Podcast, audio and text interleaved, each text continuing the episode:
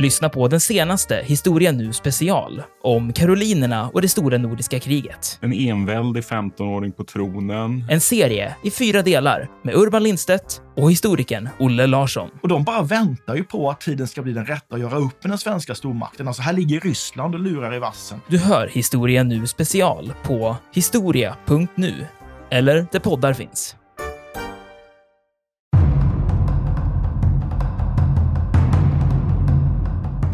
Nelson stupar ju då, och det kan man ju säga att han stupar ju faktiskt från ett skott uppifrån Märsen innan masten har åkt på, på Redutable. Just Så det. skjuts han ju faktiskt träffas och Av en förs då ner. spanjor. Det är ju deras, eh, deras Ja. enda bragd där. För det, det vet jag att det också är någonting som jag plockade upp i läsningen. För att eh, spanjorerna i brist på annat ägnade sig väldigt mycket åt skarpskytte Just det. under, på- inför ja. slaget. Ja. Så det lyckas de ju med kan man ju säga i alla fall. Sen så, så innan han dör så får han ju klart för sig att liksom segern är vunnen och han kommenterar ju själv att han är så väldigt nöjd med att han dör men att han har gjort sin, sin plikt. Och han kommer sen att föras hem då i det här linjeskeppet faktiskt i en, en tunna med brandy och får ju sen en enormt hedersam eh, begravning.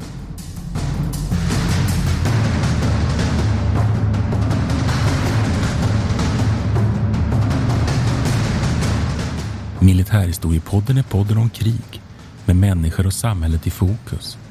Programledare är Martin Hårdstedt, professor i historia vid Umeå universitet och Peter Bennesved, doktor i idéhistoria. Podden ges ut av förlaget Historiska Media. Stöd gärna MH-podden via vårt swishnummer 123 610 76 68. Märk betalningen med MH-podden.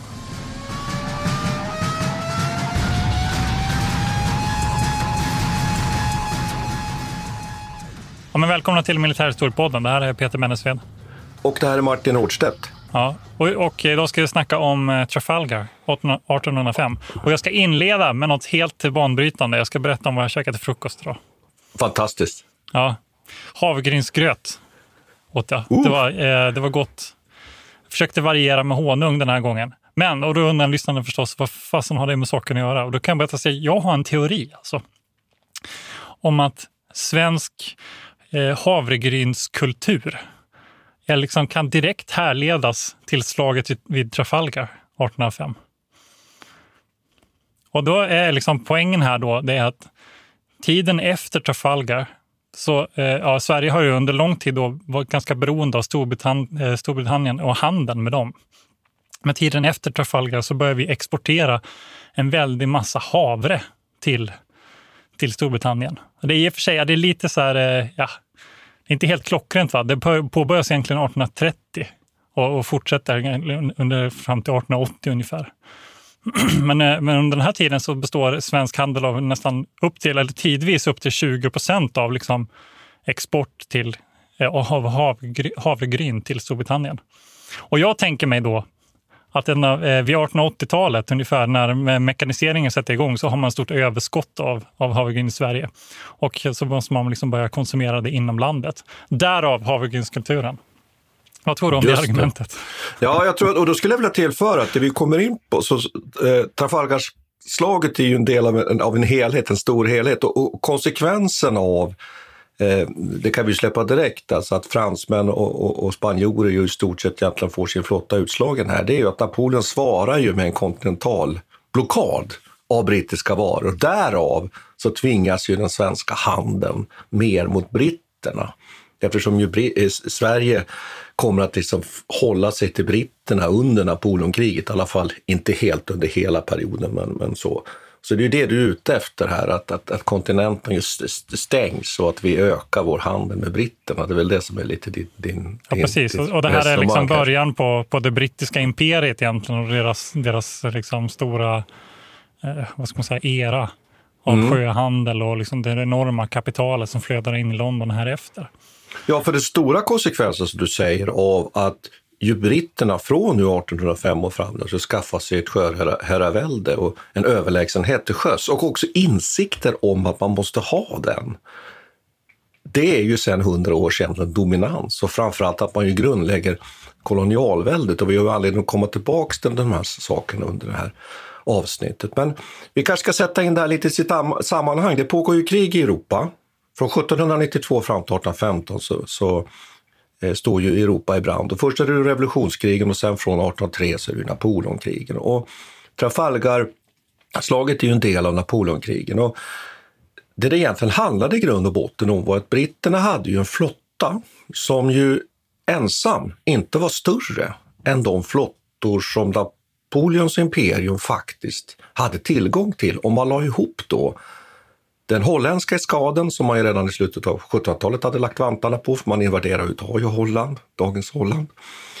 Eh, den spanska flottan som man ju är i förbund med och sen den egna franska flottan. Och problemet för britterna var ju att om de här kom ut till havs och förenades och dessutom attackerade in i Engelska kanalen och överlägset angrep den brittiska flottan och slog ut den, ja då var ju vägen uppe för en invasion av de brittiska öarna. Så det här är liksom det stora strategiska problemet. Så att britterna försöker liksom att stänga inne och blockera då den här franska och spanska flottan i de här stora flottbaserna. Och det här har vi varit inne på ett tidigare program faktiskt. Flottbasen i Toulon, inne i Medelhavet, södra Frankrike. Cadiz på, på sydspetsen av, av, Spanien och Brest i västra Frankrike. Och Brest figurerade ju faktiskt i vårt avsnitt om slagskeppet Bismarcks undergång, eller hur? Ja. Så där är liksom strategiska problemet. Och då ska jag bara lägga till det att då var britterna på det här sättet att om de nu tappade kontroll, om vi säger nu att någon av de här blockadskadorna, brittiska skadorna, tappade kontroll över fransmännen, låt säga att de bröt ut från Toulon eller någonting sånt, eller från Brett, ja, då föll man tillbaks på kanalen. Tappar man kontroll, då föll man tillbaks i kanalen. Och det var ju liksom lite självklart då, därför där samlades man ju då för att undvika det som man ju trodde var målet för då fransmännens liksom manövrar här, nämligen att, att rensa kanalen på brittiska fartyg. Så att det var lite tjuv och rackarspet, katt och råttalek här lite. Det påminner ganska mycket om, om 1900-talet och den konflikten som pågår mellan Tyskland och Storbritannien också under andra världskriget egentligen. Ja, och även delvis första världskriget ja. också. Att liksom, eh, och mycket handlar ju om att störa handel. Eh, och att de franska försöken att bytas ut och ta sig mot Västindien handlar delvis om att störa brittisk handel och sådär. Och på det viset så är det ju väldigt, ja, det finns många, många likheter. Ja, jag skulle vilja lägga till det här att det är inte bara det här invasionshotet alls riktigt, utan det är också det här att de här konvojerna med resurser från inte minst Västindien som ju var ett oerhört rikt område. Det är ju lite intressant att de här flottorna också, när de bryter ut sig, då tänker man sig att samla dem faktiskt bort i Västindien. Santo Domingo som, ju är, som är ju fransmännens egentligen rikaste och största koloni. Och därifrån liksom ladda upp för att sen gå runt de brittiska öarna, förena sig med den holländska flottan och sen rensa Engelska kanalen. Så att, men det handlar också om, som, som jag precis sa, då, att, att faktiskt också understödja och hjälpa konvojer. Skillnaden mot andra världskriget är väl ändå den att, att tyskarna var ju maritimt underlägsna. I det här fallet så är det liksom omvända roller, men det är samma problematik. Det här med utbrytning, Bismarcks utbrytning. Mom deserves the best, and there's no better place to shop for Mother's Day than Whole Foods Market. They're your destination for unbeatable savings, from premium gifts to show-stopping flowers and irresistible desserts. Start by saving 33% with Prime on all body care and candles. Then get a 15-stem bunch of tulips for just $9.99 each with Prime. Round out Mom's menu with festive rosé, irresistible berry chantilly cake, and more special treats. Come celebrate Mother's Day at Whole Foods Market. Hey there, it's Michelle Norris. I'm host of a podcast called Your Mama's Kitchen. When I travel, I'm usually looking for a way to find a taste of home when I'm not at home. And one of the things I love to do when I am at home is entertain. And Airbnb allows me to do that. When I was in California recently, I rented a house that had a great kitchen. And when we were sitting around the table, we we're all thinking, we're in someone else's house. Someone could be in all of our homes as well.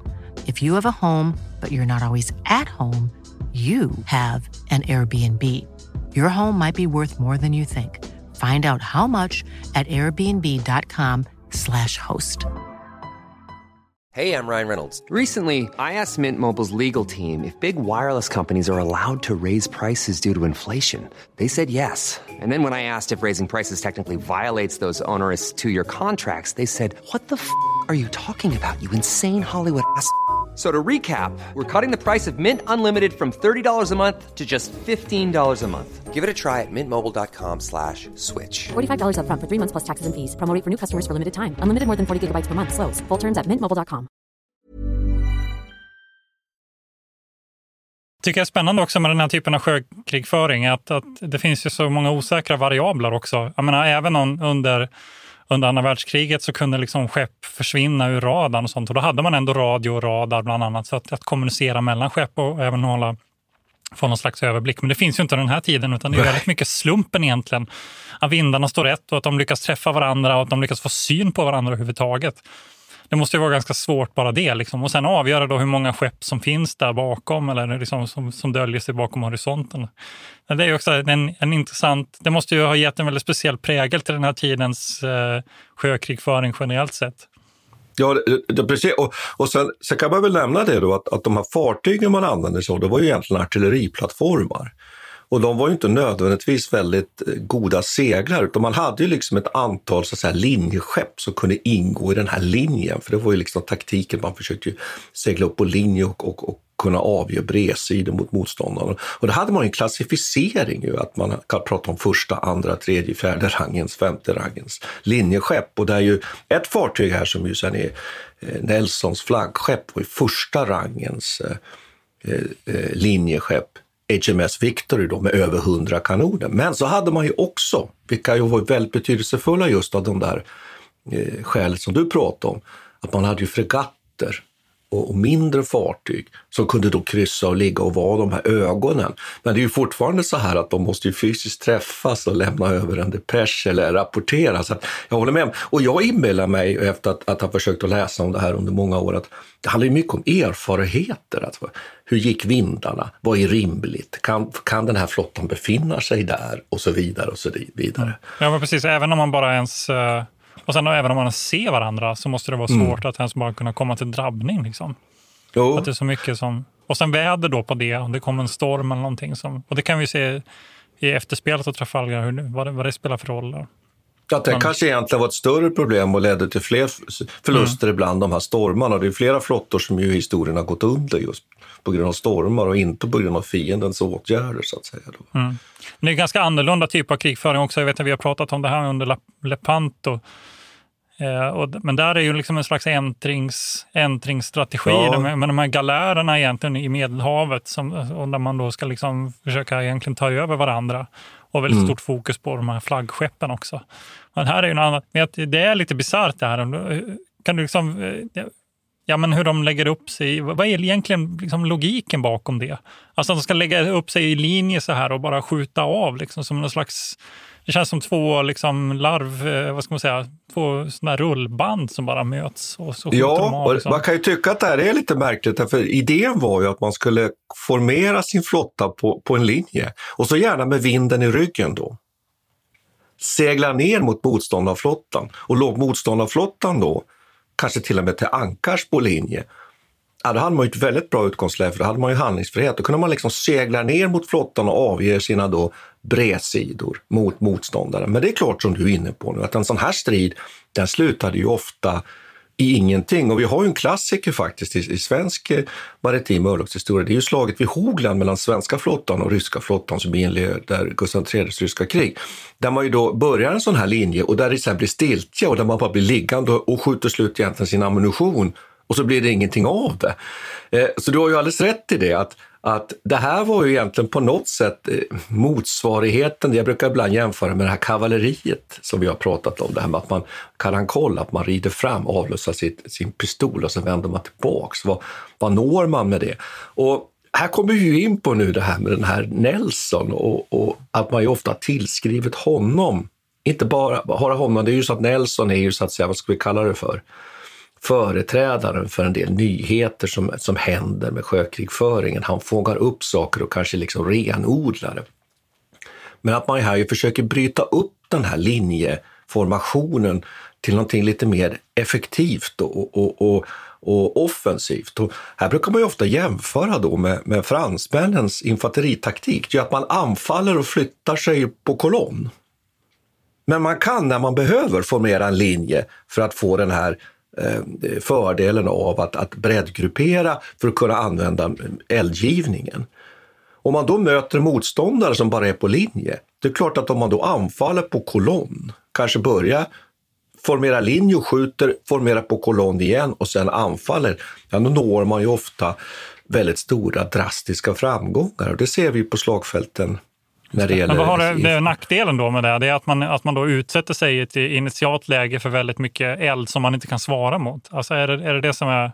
Ja, det, och, och, det är det som sen ju egentligen blir slutet för det där, nämligen att när motståndaren, i, i det här fallet nu då, Wellington, lär sig att hantera de här kolonnanfallen, då kan man skjuta bort de här. Och det är det som händer egentligen där på eftermiddagen faktiskt i slaget vid Waterloo. Att där krossas ju det här kolonnanfallet just med eldgivning. Eh, men till sjöss, om vi går, övergår till det då, så är det så att Nelson då börjar att använda just det att han, han förflyttar sig på kolonn mot motståndaren. Liten träffyta och bryter in i motståndarens linje, delar upp den och väljer sen sina mål, men framför allt också kan svänga upp sina fartyg för att avge de här bredsidorna när han vill. Han, han, bestämmer liksom själv när striden ska äga rum och hur den ska äga rum och under vilka förutsättningar. Och också, vilket är kanske viktigt att komma ihåg, när man passerar igenom en sån här linje, då får man ju fördelen av det brutala, nämligen att kunna skjuta längs med ett sånt här linjeskepp. Alltså att låta kulorna svepa längs däck däcket, batteridäcken, slå in i akterkastellet som ofta är oskyddat. Och ofta kan det räcka faktiskt. En sån bredsida från ett, ett sånt här linjeskepp med 100 kanoner som passerar, alltså som avfyrar 50 kanoner in i det andra fartyget. Det kan ofta räcka för att det andra fartyget stryker flagg faktiskt. Master går av, rensar batteridäcken, människor dör och så vidare. Så att där har man också en fördel liksom, genast i det här inbrottet. Så att det här är liksom en, en grundförutsättning kan man säga. Precis, och en, en, annan fördel är också att du kan skjuta åt båda hållen. En åt vanlig båda hållen, ja. bredsida så är du begränsad till att bara skjuta med ena sidan.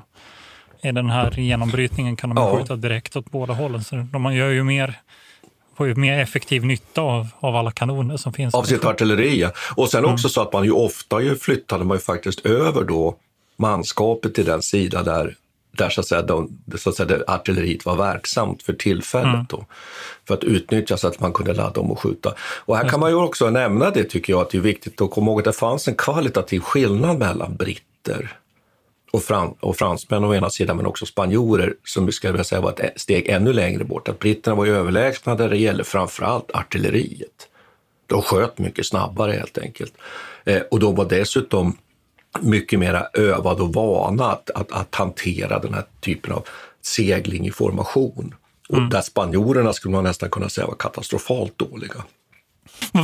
Hur vet vi det? Alltså, på, vilket sätt? eh, Det, där, det låter som en sån här typisk eh, eh, sak som man bara säger. Så man, eh, liksom, vad har vi för, vad har vi för, för, Nej, men de, var, de var dåligt övade och de hade inte Ja. någon befälhavare och de genomförde inte den typen av manövrar. Så det kan man ju se tillbaks i historien och i, i, i drabbning efter drabbning så är det just det som är problemet. Att, att span, spanjorerna har svårt att hålla linjen, till exempel. Fransmännen också. De undviker gärna den här typen av, av mera komplicerade manövrar faktiskt. Och ofta som, som vi kommer att se att den, den, den franske befälhavaren här då, Villeneuve, som ju är chef då för den här samlade allierade spansk-franska flottan vid Trafalgar, han, han vill gärna, han vill gärna att, att ha vind, att britterna kommer med vinden. För han vill ha vinden så han egentligen kan, kan smita undan. Just det. Han är egentligen inte intresserad av att slåss, därför att han Men vet, precis. att, han vet ord- att han är underlägsen. Blir det, blir Ja. det strid fartyg mot fartyg, skulle jag säga, då vet han det, att britterna är överlägsna.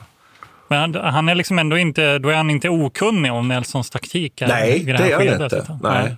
Och pratar vi konkret för Trafalgar så lär sig Villeneuve också detta att okej, han har sin linje, men han har en reserv som han låter ligga och sladda bakom den här linjen. Så han tänker sig att om nu Nelson sätter in sin, sitt kolonnanfall här och försöker bryta upp, ah, då har jag en reserv som jag kan kasta in eh, där det behövs. Så problemet blir bara att just därför att man är så dålig på att hålla den här linjen så slutar det med att den här reserven liksom blir en del av den här linjen.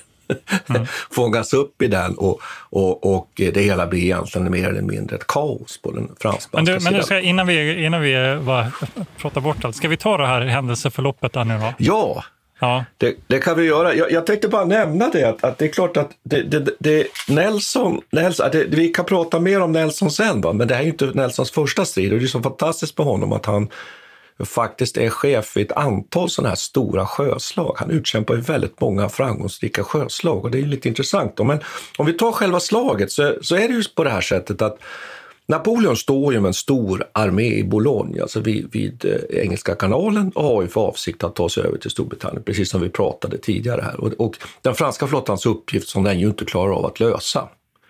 Och då, då är vi ju framme nu här i augusti 1805 och då har Napoleon gett upp. Han inser att den franska flottan kommer inte kunna rensa Engelska kanalen från brittiska flottan, utan han, han ändrar fokus. Han bestämmer sig helt enkelt för att, att göra någonting annat och det, som det slutar ju sen med det som man brukar kalla för Ulmkampanjen, anfallet på, på Österrike och, och segern vid Austerlitz och så vidare. Men fortfarande är det ju så att det finns en fransk-spansk flotta som är oerhört stark ändå, trots allt. Och den finns i Cadiz och där finns Villeneuve. Och Villeneuve får då i order att ta den här flottan in i, i, i Medelhavet, gå till Toulon och återupprätta en stark eh, eskader vid Toulon och kunna liksom dominera kan man säga då Medelhavet. Så det är liksom nu förutsättningen här. Så att Nelson försöker lura ut nu Villeneuve. Villeneuve ska försöka smita undan in i Medelhavet. Det är liksom så att säga förutsättningarna här. Och Belson är så smart så att han skickar till och med iväg då sex stycken linjechefer för att minska sin flotta lite för att liksom visa Villeneuve att han inte på något sätt skulle vilja slåss. Okej. Okay. Och, och så, så ett ganska stort risktagande ändå, alltså ja, risken att de försvinner från... Ja. Liksom, ja. Och, och, då, då till slut så nappar ju Villeneuve på det här. Dessutom ska man ha klart för sig att den här Villeneuve är dessutom hårt pressad av Napoleon.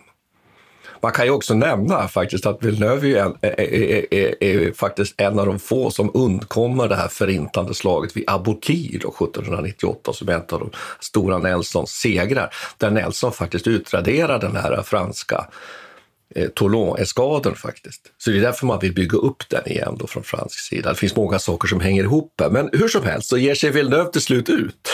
och när han väl kommer ut, han seglar söderut och så ska han vända in i Medelhavet och Cadiz ligger ju på sydspetsen. Då inser han att Nelson har lurat honom. Och Nelson siktar honom och han inser att britterna kommer snart att hinna upp oss. Och man får väl säga att lite panik får han, sannolikt.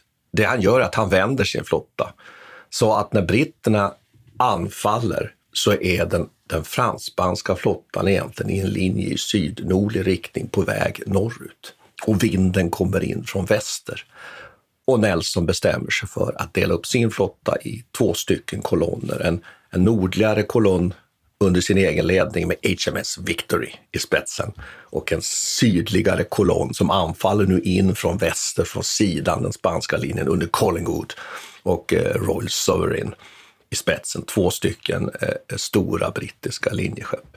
Och det som sen händer är ju att slaget inleds med att den spansk-franska linjen klyvs i tre lika stora delar, kan man säga enkelt. Just det. Han går ja. helt emot den här liksom, principen då att de här linjerna ska mötas som någon slags och gnuggas mot varandra. Utan bara ja, eftersom han ju har, ja. Exakt, han har, eftersom han ju egentligen då, han har inte riktigt vinden i ryggen, men han har vinden i alla fall från väster från rätt och så skulle han ju egentligen kunna formulerat en linje och tänkt sig nu att seglat upp parallellt med Spanien och börjat den här så att säga linjestriden här. Eller kunnat tänkt sig att han hade vänt sin flotta och kommit norrifrån och seglat, seglat söderut. Nu, känner, nu, nu, vet inte jag exakt liksom hur förutsättningarna var om det hade varit möjligt, va? men det finns inte med i Nelsons tänkande här, utan det han vill är att kliva upp den flottan som ju faktiskt är numerärt större än hans. Och då är han ju så smart då, så att den här norra delen av den, den fransk-spanska linjen, den fortsätter ju framåt den involveras ju inte i striden utan den skulle väl egentligen då ha vänt och kommit tillbaka. Räddat, men de räddar sig ju inte Cadiz istället. Då. så att då betyder det att, att britterna är ju numerärt överlägsna nu.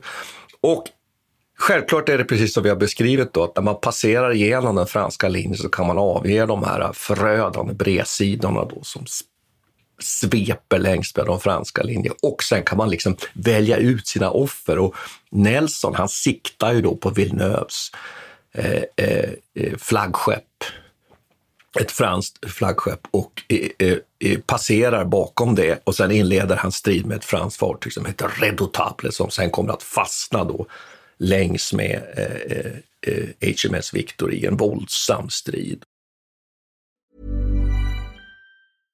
Imagine the softest sheets you've ever felt. Now imagine them getting even softer over time. That's what you'll feel with Bowl and Branch's organic cotton sheets. In a recent customer survey, 96% replied that Bowl and Branch sheets get softer with every wash. Start getting your best night's sleep in these sheets that get softer and softer for years to come. Try their sheets with a 30-night guarantee. Plus, get 15% off your first order at bowlandbranch.com. Code BUTTERY. Exclusions apply. See site for details. Mom deserves the best, and there's no better place to shop for Mother's Day than Whole Foods Market. They're your destination for unbeatable savings, from premium gifts to show-stopping flowers and irresistible desserts. Start by saving 33% with Prime on all body care and candles. Then get a 15-stem bunch of tulips for just $9.99 each with Prime. Round out Mom's menu with festive rosé, irresistible berry chantilly cake, and more special treats. Come celebrate Mother's Day at Whole Foods Market.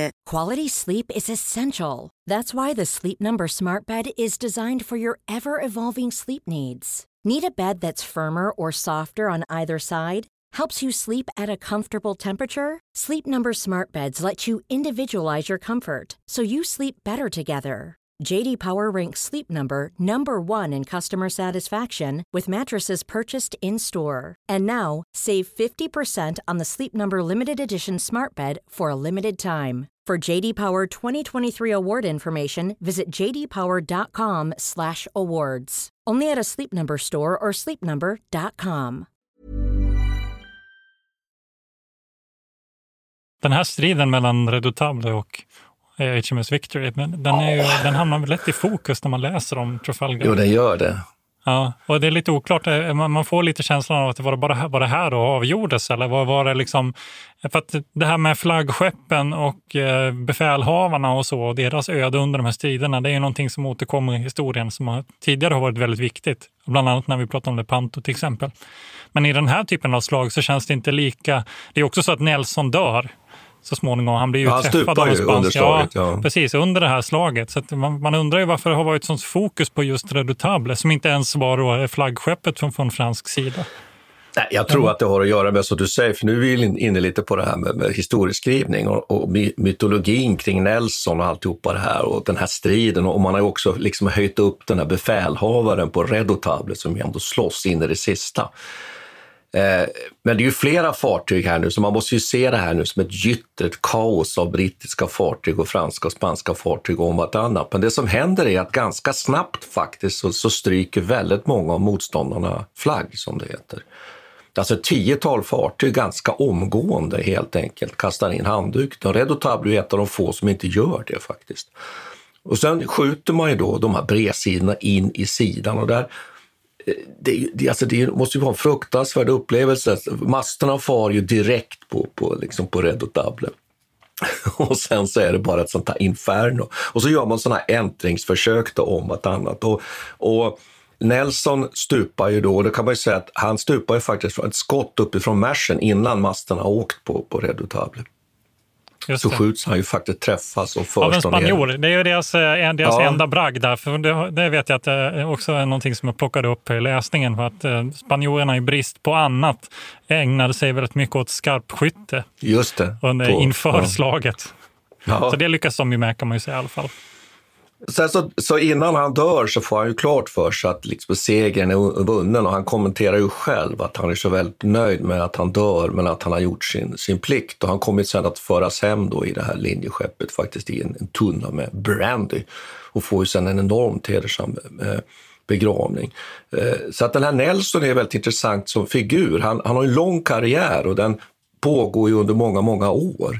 Eh, han, han, är med i slaget vid St. Vincent redan redan tidigare, 1797. 98, slaget vid Abukir-Nilen. Han anfaller faktiskt danska flottan 1801. Så en oerhört erfaren person där. Han får ju lida mycket. Han mister sin arm, bland annat. sin högra arm. Han mister synen på ett öga. Det är en väldigt speciell person. Vi ska inte nämna nu alla de här vad ska vi säga, politiska skandalerna kring honom. Han inleder ju kärleksaffärer med, med bland annat den här Madame Hamilton och så vidare, det behöver vi kanske Ja, inte det. beröra. men, men han är ju väldigt, han är något av, en, något av en, vad ska vi kalla det för, lite sån där movie star egentligen. I, Ja. i, i, Ja, men precis. Så det, jag vet att eh, ja, men han, det här med att han blev av med armen, att, att förlora sin arm i strid sen bland sjömän blev ju eh, också en slags symbol eller en liknelse till Nelson, att det var liksom någonting som var ganska Jo. upphöjt. Och det tycker jag man kan se i en del, eh, jag vet inte om du har läst eh, liksom pirat, såna här piratsagor och grejer när du, från när du var barn. Men där- Nej, inte finns så mycket faktiskt. Nej. Nej, men eh, den där typen Skattkammarön och den typen av... Just det. alltså det finns, det Mm. finns något ärofyllt i de här sjömännen som har förlorat en arm. Och så. Ja, Jo. men, hur som helst. men en annan grej som är också det här Nelson Checker, jag vet inte om du har hört talas om det. Det är så på sättet man målar HMS Victory. Det hade ju det svart och gula eh, ränder ja. egentligen och sen Ja. hade den väl eh, svarta luckor tror jag. Så det blev som en slags eh, ett eh, rutmönster eh, på HMS Victory som var unikt för det skeppet just då. Men det kom sen att kallas The Nelson Checker och blev väldigt populärt under tiden efter att man skulle måla om skeppen i den här, den här stilen. Så det är precis som du säger, han blev någon slags eh, tidiga 1800-talets movie star där allting liksom har en slags Nelson-prägel. Men det är ju någonting som man har byggt upp i efterhand också får man väl komma ihåg, även om han var Eh, även känd under sin, sin levnadstid så har ju man haft alla skäl att så här, upphöja den här bragden också i efterhand. Och det är ju klart att, det är ju klart att, här, att det, även om Napoleon liksom hade inlett sitt landkrigföring i en annan riktning så, så, så var ju det här väldigt, väldigt betydelsefullt och man drog ju naturligtvis en, en stor lättnadens suck i Storbritannien. Här och nu var så att säga, hotet mot de brittiska öarna borta och sen, sen kunde man ju inte överblicka att man sen så småningom skulle, skulle så att säga starta den här långa eran av, av hundra år av sjödominans. va. Men, men det är klart att han är betydelsefull och det, det vet ju alla och envar som har varit i London, Trafalgar Square och, och man får blicka upp där mot, mot pelaren där han står. Jag bara säger watch out, kan jag bara säga. Att man kan ju lätt få du skit i facet där man gör det. Men, men, så att visst är han ju betydelsefull, det, det kan man inte komma ifrån. Men man ska också vara lite vaksam, att det finns ju en väldigt sån här mytologisering kring honom. Men Ja. jag tycker vi Ja, skulle kunna säga... jämföra. Ja, får jag bara säga en Ja, sak på, på ja. tal om det? Eh, Det är ju att man kan jämföra det ganska bra med, med skillnaden i Frankrike, hur det här slaget mottogs där, där man i princip bara teg ihjäl det.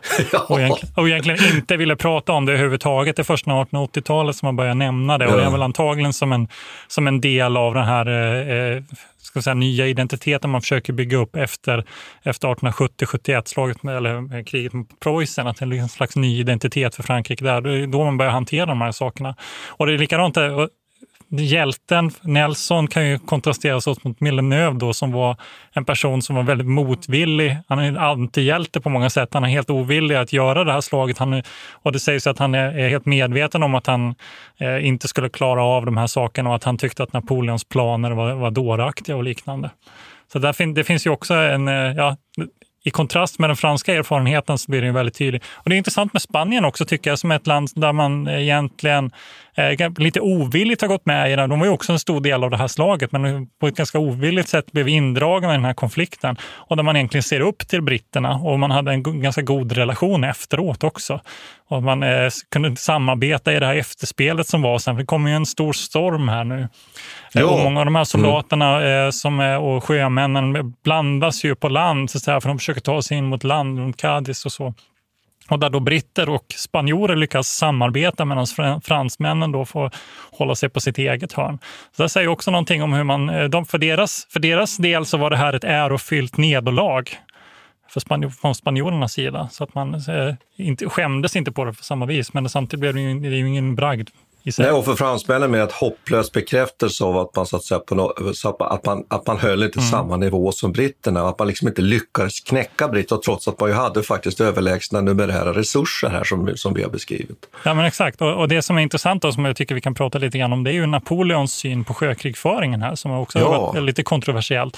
Så att man har, har eh, då hävdat att han har haft ganska dålig koll på de förutsättningarna som råder till havs och att han då försökte så att säga, bedriva bedriva en slags landkrigföring till havs. Att man satte upp väldigt tydliga strategiska mål och tänkte att det handlar bara om att genomföra.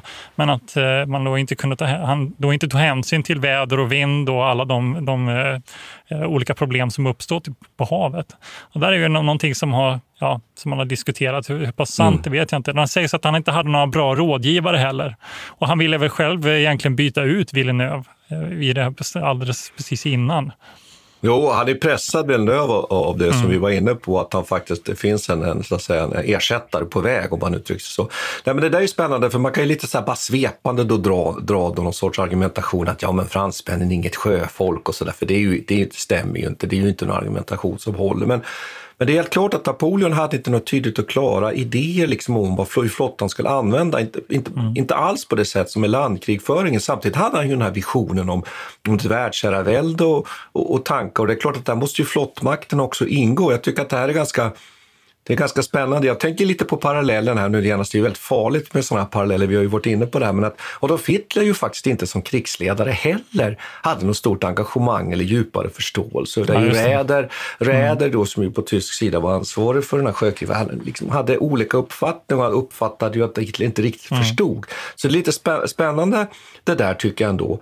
Eh, och sen samtidigt den här innovationen då som vi, som vi du tillskriver Nelson här att det här att man förändrar kanske både det operativa och faktiskt också det här taktiska uppträdandet. Det verkar man ju helt främmande för på fransk sida och vi har väl försökt förklara det med att man hade dålig utbildningsnivå. Men det handlar ju också om, om aktörers faktiskt här, och det är väl det vi är lite inne på nu, en aktörsförklaring här. Liksom att, att det är ändå figurer, personer här som inte tar något initiativ. Men jag tänkte liksom att jag tänkte vi, vi, vi, måste prata lite om de här fartygen också, men innan vi ja. gör det så tänkte ja. jag ändå att vi skulle konstatera att det är klart att tio fartyg tas ju av britterna, varav bara fyra sen så småningom flyter. Mm. Det är mm. många av de här sjunker på grund av den här stormen. Och man har ju stora förluster på, på, på den allierade sidan när man räknar med över 2000 döda och ett stort antal tillfångatagna. Britterna har ganska små, för, små förluster inom citationstecken då, där man ju räknar kanske uppåt 500 döda och faktiskt 150 av dem är på HMS Victor som har, stora, som har stort antal döda under det här slaget. Och, eh, och även de brittiska fartygen eh, blir ju väldigt skadade. Men det är klart att här utraderas ju egentligen Frankrikes offensiva kraft som mm. sjö, sjönation un, under Napoleonkrigen. Och sen tänkte jag ju att vi skulle uh, prata lite om några fartyg, för den här HMS ja. Victory är ju fantastisk. Den går ju att se i Portsmouth, eller Den ligger ju kvar fortfarande. Just det, det är ju faktiskt uh, världens äldsta I slagskepp. varande. fortfarande i tjänst. Men nu, nu tjänstgör det som museum, uh, museiskepp, ja, så ja. den, har, den har liksom ingen funktion. Men man har ju använt den som eh, alltså, så här skolskepp ett tag vet jag, under 1800-talet. Ja. Men den är ju, det är ju spännande. Alltså, den, och det, det här, på tal om det som vi pratade om innan, det här, alltså att mm. man har lite eh, det finns ett konservativt drag också, inte bara att sjökrigföringen är ganska självständig, den är också oerhört konservativ. Och det syns ju även i skeppsbyggandet under den här tiden. För, för HMS Victory då, som framhävs som den liksom största eh, och mest framgångsrika liksom, första, första rangens skepp under den här tiden och fått en väldigt central roll i berättelsen om Trafalgar. Det är faktiskt byggt 1765. Så vid det här mm. laget är det alltså ett 40 år gammalt skepp. Och det vet inte om man, alltså om man tittar på nutida exempel så finns det ju, är ju sällan som skeppen eh, håller så pass länge. Eller att, för att den tekniska nivån går så pass snabbt att man liksom utvecklar krigföringen på olika vis. Men det gör den ju inte under den här tiden. Under 1600-1700-talet så är det ju ganska samma. Va? Och det är också så att, det är också så att HMS Victory är ju designad efter en förlaga eh, ett skepp som är ännu äldre. Alltså man mm. lånar i princip mm. samma design och så bygger man upp ett, ett, ett, något större skepp egentligen. Och det är, ingen, och det är liksom ingen, ingen liten pjäs heller. Jag tycker man kan komma ihåg att det här HMS Victory kan jämföras ungefär med, med ett hangarfartyg idag. Ja, I kostnad, ja, ja, precis. Ja. I, I liksom den investering som en stat mm. måste lägga in för att liksom bygga, det här, bygga det här skeppet. Det är en enorma summor och man hade, dem inte, man hade bara ett fåtal och man använde dem inte hela tiden. Så under lång tid så ligger ju eh, eh, HMS Victory som reserv bara. Mm. Det först, jag tror första slaget som är med i 1768, sen är den med vid ett antal eh, viktiga strider, bland annat 1778 i samband med, med frihetskriget i USA, när Frankrike Frankrike blandar sig in så, så skickar man dit HMS Victory.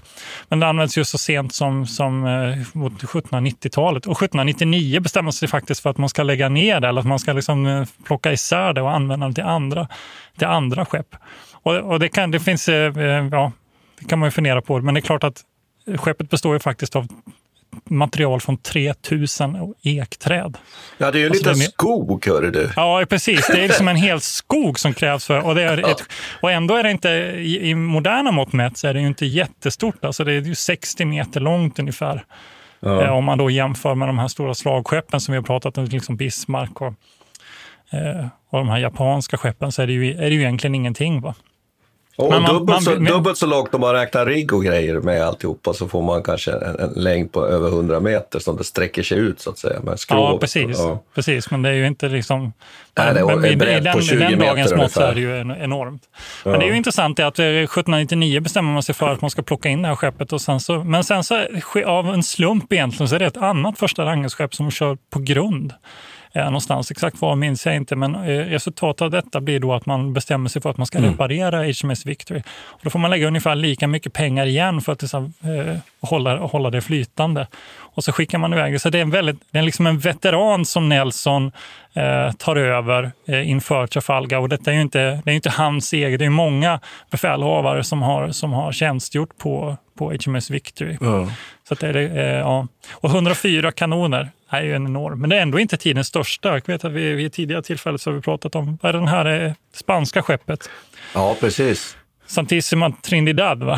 Med ja, 120 kanoner. Ja. Mm. Men sämre övat och med, med, med ja. faktiskt inte fulltalig besättning och så vidare. Så det är klart att H-Min Victory var ju en, en, en, en krigsmaskin, en enorm artilleriplattform. Jag kan ju lägga till det att det är fantastiskt att de här eksidorna då kunde vara ända upp till 70 centimeter. Så att det här det. stora fartyget kunde om man uttrycker sig så, absorbera ganska mycket fientlig eld. Och därför gick man ofta i spetsen med de här stora fartygen. För under inseglingen mot fienden så blottade man sig under en kort sekvens för de här eh, fientliga bredsidorna då, tills man hade nått fram så att säga. Och då var det bäst att gå i spetsen. Och Sen tycker jag man kan ju nämna några saker kring det. För, alltså artilleriet var, ju, var då placerat längs med ett antal batteridäck och i botten hade man de här 32-pundiga kanonerna och då räknar man ju ungefär vikten på kulan, ungefär hälften där då, 15-16 mm. kilo. Eh, och sen på nästa däck 24-pundiga och sen 12-pundiga, alltså enormt eh, antal kanoner på det här fartyget. Och vilket tryck när man avfyrar det här och vilket inferno det måste ha varit med, mm. med krutrök och så vidare. Och sen tycker jag en sån där detalj som jag brukar lyfta fram ofta att det är inte bara de här fullkulorna som, som, som dödar och lemlästar människor eller faktiskt ofta så kunde man också skjuta kulor som hade en kedja emellan för att förstöra rigg. Ofta var det ju så att fransmän sköt i större utsträckning mot rigg medan britterna sköt i större utsträckning mot skrovet och sänkte därför eh, oftare fartyg. Och att britterna också hade eh, började utveckla mera korta kanoner som var effektivare på kortare avstånd, så kallade karonader, men som var snabba att, att, att då ladda om. Och det jag ska säga då att, jo, och jag bara ska säga då att när de här kulorna slår in i fartygssidan, då splittras ju trävirket och där har vi ju mycket mycket av de, det stora lidandet som utspelar sig bland besättningen, nämligen att de här träflisarna skjuter ju in i då de här oskyddade kropparna på besättningen och det är ju där mm. många dör av alltså träsplitter, inte av att få en kula direkt på sig. Just det. Då kan man komma ihåg att sjömän på den här tiden hade inte ens skor. Nej, nej. Och man, eh, också att man hällde ut sand på, på eh, batteridäcken därför att om det skulle vara så att någon så att säga stupade och dog och det blev blod och sånt så, så skulle man inte slira. Så det finns ju en del makabra detaljer här naturligtvis som är, som är spännande. Och att slåss där inne i den där klaustrofobiska miljön där på de batteridäcken. Det är ju, samtidigt som ju de öppna däcken på ovansidan sannolikt var ett väldigt farligt plats att vara. Eh, och man var marininfanterist och slogs där uppe på däcket naturligtvis och helt oskyddad. Så att det är klart att det, det, det finns en mänsklig sida här som, som man har svårt att sätta sig in i. Mom deserves the best, and there's no better place to shop for Mother's Day than Whole Foods Market. They're your destination for unbeatable savings, from premium gifts to show-stopping flowers and irresistible desserts. Start by saving 33% with Prime on all body care and candles. Then get a 15-stem bunch of tulips for just $9.99 each with Prime. Round out Mom's menu with festive rosé, irresistible berry chantilly cake, and more special treats. Come celebrate Mother's Day at Whole Foods Market. Mom deserves the best, and there's no better place to shop for Mother's Day than Whole Foods Market. They're your destination for unbeatable savings, from premium gifts to show-stopping flowers and irresistible desserts. Start by saving 33% with Prime on all body care and candles. Then get a 15-stem bunch of tulips for just $9.99 each with Prime. Round out Mom's menu with festive rosé, irresistible berry chantilly cake, and more special treats. Come celebrate Mother's Day at Whole Foods Market. Hey, it's Paige DeSorbo from Giggly Squad. High quality fashion without the price tag. Say hello to Quince. I'm snagging high-end essentials like cozy cashmere sweaters, sleek leather jackets, fine jewelry, and so much more. With Quince being 50 to 80% less than similar brands. And they partner with factories that prioritize safe, ethical, and responsible manufacturing. I love that. Luxury quality within reach. Go to quince.com slash style to get free shipping and 365 day returns on your next order. Quince.com slash style. Det skulle vara kul att återkomma till just den här typen av krigföring, ha ett mer liksom, tematiskt orienterat Ja. avsnitt att prata om de här. För det finns många, speciellt om man jämför dem med den äldre, den här galärkrigföringen som vi tidigare diskuterat. Varit inne på, ja. ja. Ja. Men hur som helst, det var en eh, avvikare. Men, men eh, ska vi prata lite om efterspelet också? Det som händer är ju att, att eh, när när det här slaget är över så sveper in en stor storm som egentligen tar lika många Ja. eh, skepp och soldater och sjömän som själva slaget gjorde, som egentligen mer liksom, drabbande än själva sjöslaget. Så det är ju intressant. Men en konsekvens här, om man säger till, till mer på lång sikt, är ju att britterna då inleder en blockad av de här hamnarna. Brest och de som du nämnt, här, Brest, Toulon, Mm. Cadiz. Eller fortsätter ska man ju kunna säga. Ja, precis. Som fortsätter väl, eh, precis, och egentligen befäster den där Mm. eh, den situationen som redan har varit eh, rådande förut. Och det här kontinentalsystemet som vi lite grann inledde med att diskutera eh, kommer ju faktiskt först senare. Och det var det först 1809 egentligen. Som, som, 1806, som, 1806 i Berlin. Mm. Just det. Eh, som eh, Napoleon eh, liksom inför det här. Och det är ju en, blir ju en slags hämnd, ja, det beror på hur man ser på det, men ett, sätt att försöka låsa ute Storbritannien. Mm. Och det är här då som det här inleds, den här eran, när, när Storbritannien då blir en, en, en sjöfararimperium. Men jag tycker också att man kan, det är lite av eh, en kliché också att säga det, men man kan ju säga vad det betyder i praktiken. Så var det ju faktiskt så att i och med att man låste in den här franska flottan i de eh, spanska och franska hamnarna så kunde man också ta över ett antal viktiga stödjepunkter i Västindien, i Sydafrika och Sydostasien. Och då var det bland annat, I Sydostasien är det intressant här, för då eftersom, eftersom Holland då eh, eh, samarbetar med Frankrike under den här tiden så tar britterna nu över ett antal holländska kolonier och, och eh, hamnområden och, och befäster sin makt i det där området. Och man gör samma sak i Sydafrika, tar över den holländska kontrollen där. Och detta gör också att man kan säkra handeln mellan Indien och England på ett helt nytt sätt och liksom säkra den sjöfartsleden. Och sen så gör man samma sak i Västindien. Och fransmännen försöker ju på sitt håll då ändå försöka åtgärda det här. De är inte helt passiva. Men problemet är ju att de också underminerar sin egen situation eller sin egen position i de här områdena. Man understödjer, till, eftersom man inte skickar dit egna skepp. va. Man försöker 1809, lyckas faktiskt göra en utbrytning från Brest. De lyckas smyga iväg med ett antal skepp, men de får, det får ingen större effekt och de skingras i en stor storm, på tal om alla de här märkliga variablerna som kan spela Ja. in under den här tiden. Krigets Men- friktioner. Ja, precis.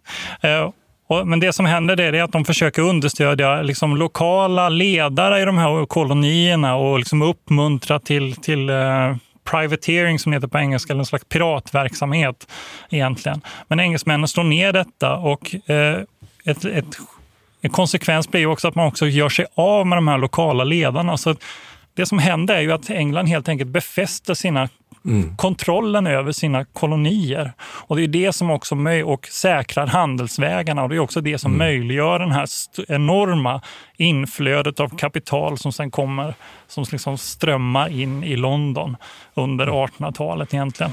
Men jag skulle vilja lägga till och förstärka det du säger. Att här börjar helt enkelt det brittiska och globala världsherraväldet på, på, mm. på de sju haven. Och också faktiskt att brukar en del historiker peka på att den här kontinentalblockaden som ju har att göra med Trafalgar och sjökrigföringen, att, att mycket av industri, industri kanske är fel att säga vid den här tiden, men i alla fall den här näringsverksamheten alltså flyttar österut i Europa och att sådana här Eh, eh, textiltillverkning och sånt flyttar längre österut in på kontinenten och försvinner från Atlantkusten. Så man kan säga att Atlantkusten är en stor förlorare. Städerna längs, längs bland den holländska och franska Atlantkusten förlorar här och tappar mycket av sin, sin förindustri och manufaktur och sånt och den flyttar öster på grund av de här vad ska jag säga, storpolitiska förvecklingarna. Så att här är ju Trafalgar en pusselbit i en, en, en mycket mm. större mm. utveckling som är ju ekonomisk och social och, och, och storpolitisk och global faktiskt. Det tycker jag mm. vi ska lyfta fram här. Och just det här med att knyta ihop Europa och, och världen i övrigt tycker jag blir väldigt tydligt när vi pratar mm. om, om, om sjökrigföring. Absolut. Ja, men vi ska vi, vi kanske är ganska, är vi ganska ja. nöjda faktiskt. Jag, jag, ja, precis. Jag, bara, jag, jag, jag, kan så avsluta med, den här, med min havregrynsgrötsgrej då bara. Bara för ja, liksom jag, jag tänkte också komma med en, chock, en chockartad ja, okay. sak här också. Ja, men för, varför knyta ihop säcken då? Eh, ja. Det är ju, det, och det här är lite off topic, jag känna. Men det är ju rätt spännande då. En av konsekvenserna av det här eh, att eh, London blir som en sån metropol nu, det är att man har Eh, väldigt mycket, kommer upp väldigt mycket taxiverksamhet där. Och det är de här eh, hästarna. Och det finns en speciell typ av taxi under den här tiden som kallas handsome cab. Det är en slags tvåhjulig vagn med, med ett spann och med bara en häst. Och så sitter den här kusken liksom ovanför den här lilla boxen som man åker med. Och det här fanns otroligt många sådana i London. Och vad behövde dessa hästar äta? Havre. Havre. Havre. Svenskt jag, havre. Jag, jag, jag känner det, där, lite, det där kopplingen finns. Lite Sherlock Holmes där faktiskt. Men jag, jag tänkte bara avsluta med, ja, med att erkänna en sak. Att vi, vi brukar ha ett julpussel varje år faktiskt. Här i min familj. Vad tror du det var för motiv på årets julpussel? Ja, men eh, jag har sett, eh, jag var väldigt sugen på att köpa ett pussel i julas på HMS Victory. Jag gissar att det var ja, exakt jag har lagt det. Så att ja. med, med, med de orden kan vi väl avrunda. Och sen en tilläggsinformation faktiskt, att vi återkommer ju. Podden återkommer ju och rullar ju på under hela sommaren. Ja. Och nästa avsnitt, då fångar vi ju upp andra världskriget som ju för 80 år sedan vid den här tiden ju gick in i kanske sitt början på sluten skeende, nämligen mm. Hitler-Tysklands anfall på Sovjet, det som man brukar kalla för Barbarossa. Så att på återseende och återhörande ska vi nog säga. Ja, Tack ska vi ha Peter, vi ja. brukar ju alltid tacka oss själva. Ja, vi kan göra det den här gången också. Tack ska vi ha. På återseende. Vi tackar Peter Bennesved och Martin Hårdstedt. Kontakta gärna Militärhistoriepodden via mejl på militarhistoriepodden historia.nu. Peter och Martin vill gärna få in synpunkter och förslag till programidéer.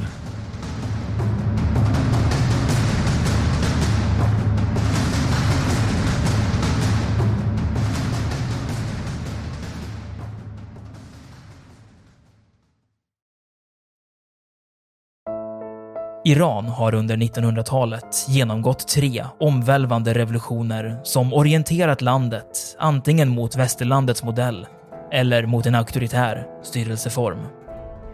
Idag pågår en social revolution i landet som vänder sig mot det islamistiska styret och vars anhängare har Europa och väst som förebilder. I en viktig bok ger idéhistorikern Mohammad Faslashemi en djupare förståelse för dagens dramatiska händelseutveckling.